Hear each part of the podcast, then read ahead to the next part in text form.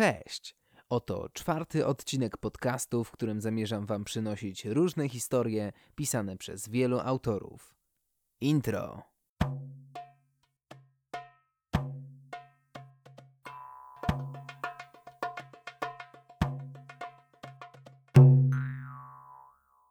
A dziś w oczytanym kameleonie będziemy mieli szansę zapoznać się z tekstem pod tytułem Wygrana, napisanym przez Annę Sikorską. Zapraszam do słuchania.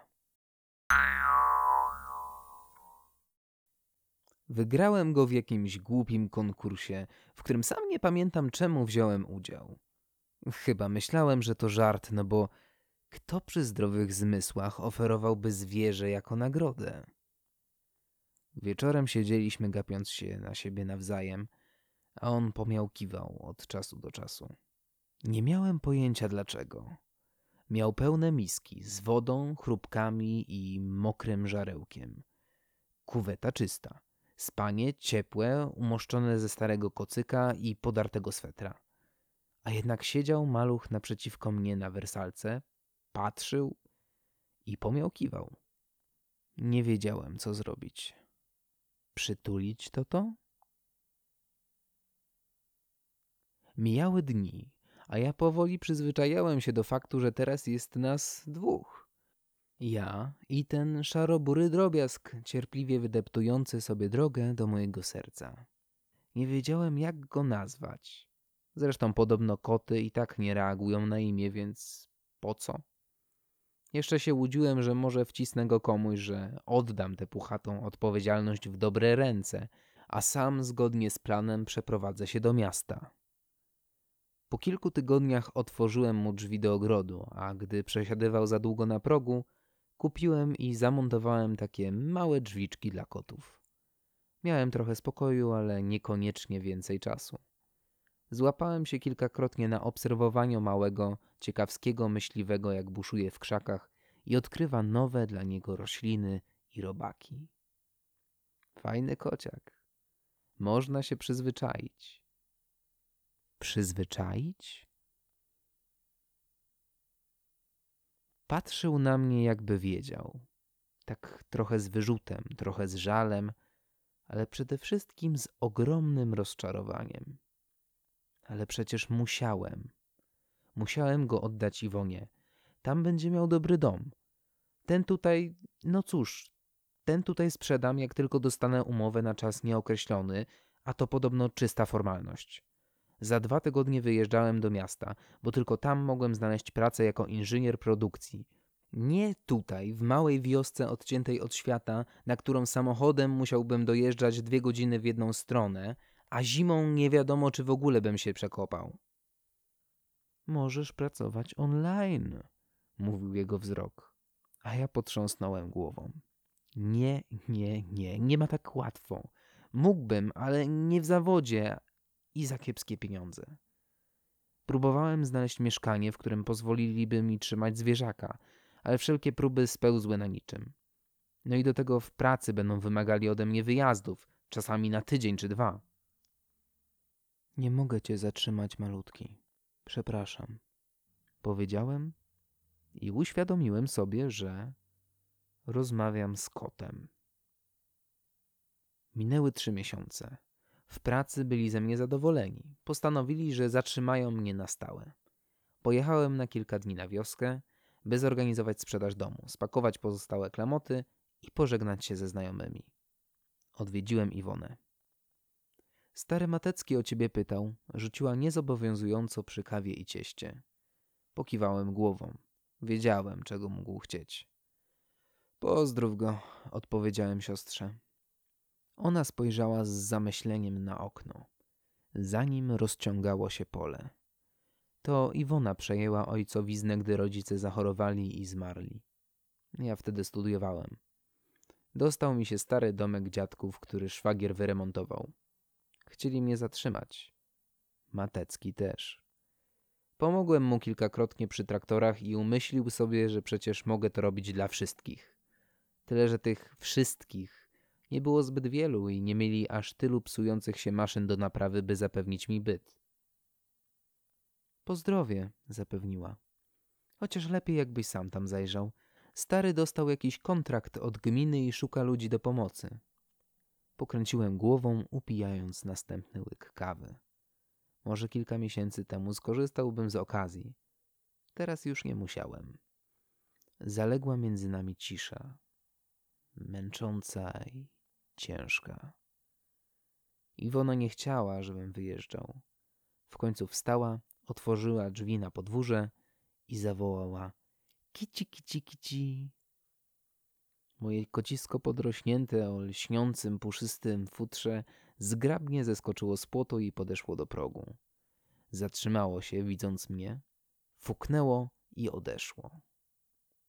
Zabolało, ale co poradzić? Może i lepiej, że zwierzak mnie już nie lubił. Trudniej byłoby się pożegnać, gdyby znowu przyszedł się łasić. Dopiłem kawę i wyszedłem, obiecując, że jeszcze zajrzę przed wyjazdem. Mieszkałem kilkaset metrów od Iwony, ale aby do mnie dotrzeć, trzeba było przejść spory kawałek wzdłuż drogi przecinającej rzekę, a potem skręcić i kontynuować piaszczystą leśną dojazdówką. Lub przejść na przełaj przez pola pod mostem i częściowo przecisnąć się obok zagrody Nastkiewiczów, której pilnowały dwa psy. Wybrałem krótszą drogę. Byłem prawie w domu, gdy usłyszałem głuchy warkot. Odruchowo sięgnąłem po leżącą w pobliżu gałąź. Kundle sąsiadów były głośne i zaczepne, ale i łatwo akceptowały wyższość przeciwnika. I czasami zrywały się z łańcuchów. Ten, który na mnie warczał, był młodszy i mniejszy z dwóch. Sięgał mi do kolana. Podszedł bliżej, zawarczał i obnażył kły. Przez chwilę nie byłem wcale pewny swojego losu. Gałąź to jednak nie najlepsza broń w starciu z agresywnym psem. Zamierzyłem się nią, w myśli modląc się, by nie pękła za szybko. Gdy nagle z pobliskiego drzewa z głośnym sykiem spadła między nas kula szaroburego futra. Kot szczerzył kły, zamiatając piach końcem ogona. Pies skoczył na niego, jakimś cudem złapał i potrząsnął. Rozległ się straszliwy pisk. Nie zastanawiając się, machnąłem gałęzią. Musiałem trafić, bo po chwili burek uciekł skomląc. W ręku pozostał mi niewielki kawałek drewna. Spojrzałem w dół. Kociak próbował odpełznąć w krzaki, ale coś było nie tak z jego łapą. Nie zważając na zęby i pazury, podniosłem go najdelikatniej jak umiałem i na rękach zaniosłem do samochodu. W okolicy był tylko jeden weterynarz. Trzy wioski dalej. Smaruj mu rany tą maścią cztery razy dziennie. Dodawaj te kropelki do wody lub mokrego jedzenia. Przez pierwsze dni powinno być łatwo, bo będzie oszołomiony i słaby. Później, no cóż, to kot. Może ci pozwolić się dotknąć, a może nie. Jurek na co dzień opiekował się krowami i świniami, ale połatał kocisko i poinstruował mnie, jak postępować. Teraz patrzył na mnie posępnie. Nie jest dobrze, dodał. Niefortunnie go bydle złapało.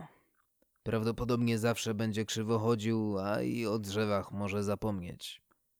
Maluch spał po operacji, nafaszerowany antybiotykami i środkami przeciwbólowymi. Gips pokrywał całą prawą łapę, wielokrotnie złamaną i formował obręcz wokół łopatek. Podrapałem go za uchem. Zamruczał. I po co ci to było? Przecież bym się obronił. Jurek wklepywał coś w komputer. Co się właściwie stało? zapytał. Mieliśmy spotkanie z Burkiem Nastkiewiczów. Postawił się i widzisz, co mu z tego przeszło. Jaki wynik starcia? Spojrzałem na futrzaka. Wygraliśmy, westchnąłem. Ale jakim kosztem?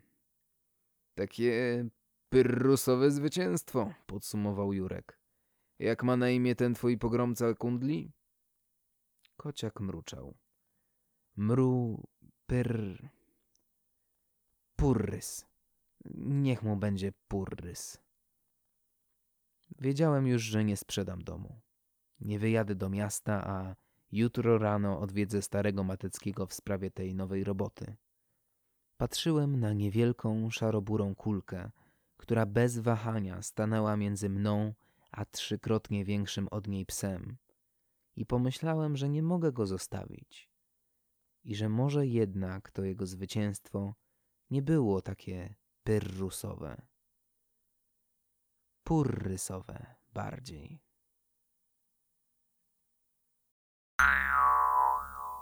I to by było na tyle. Dzięki za wysłuchanie odcinka. Zapraszam już za tydzień po kolejną dawkę historii. Jak zawsze czytał dla Was Kameleon.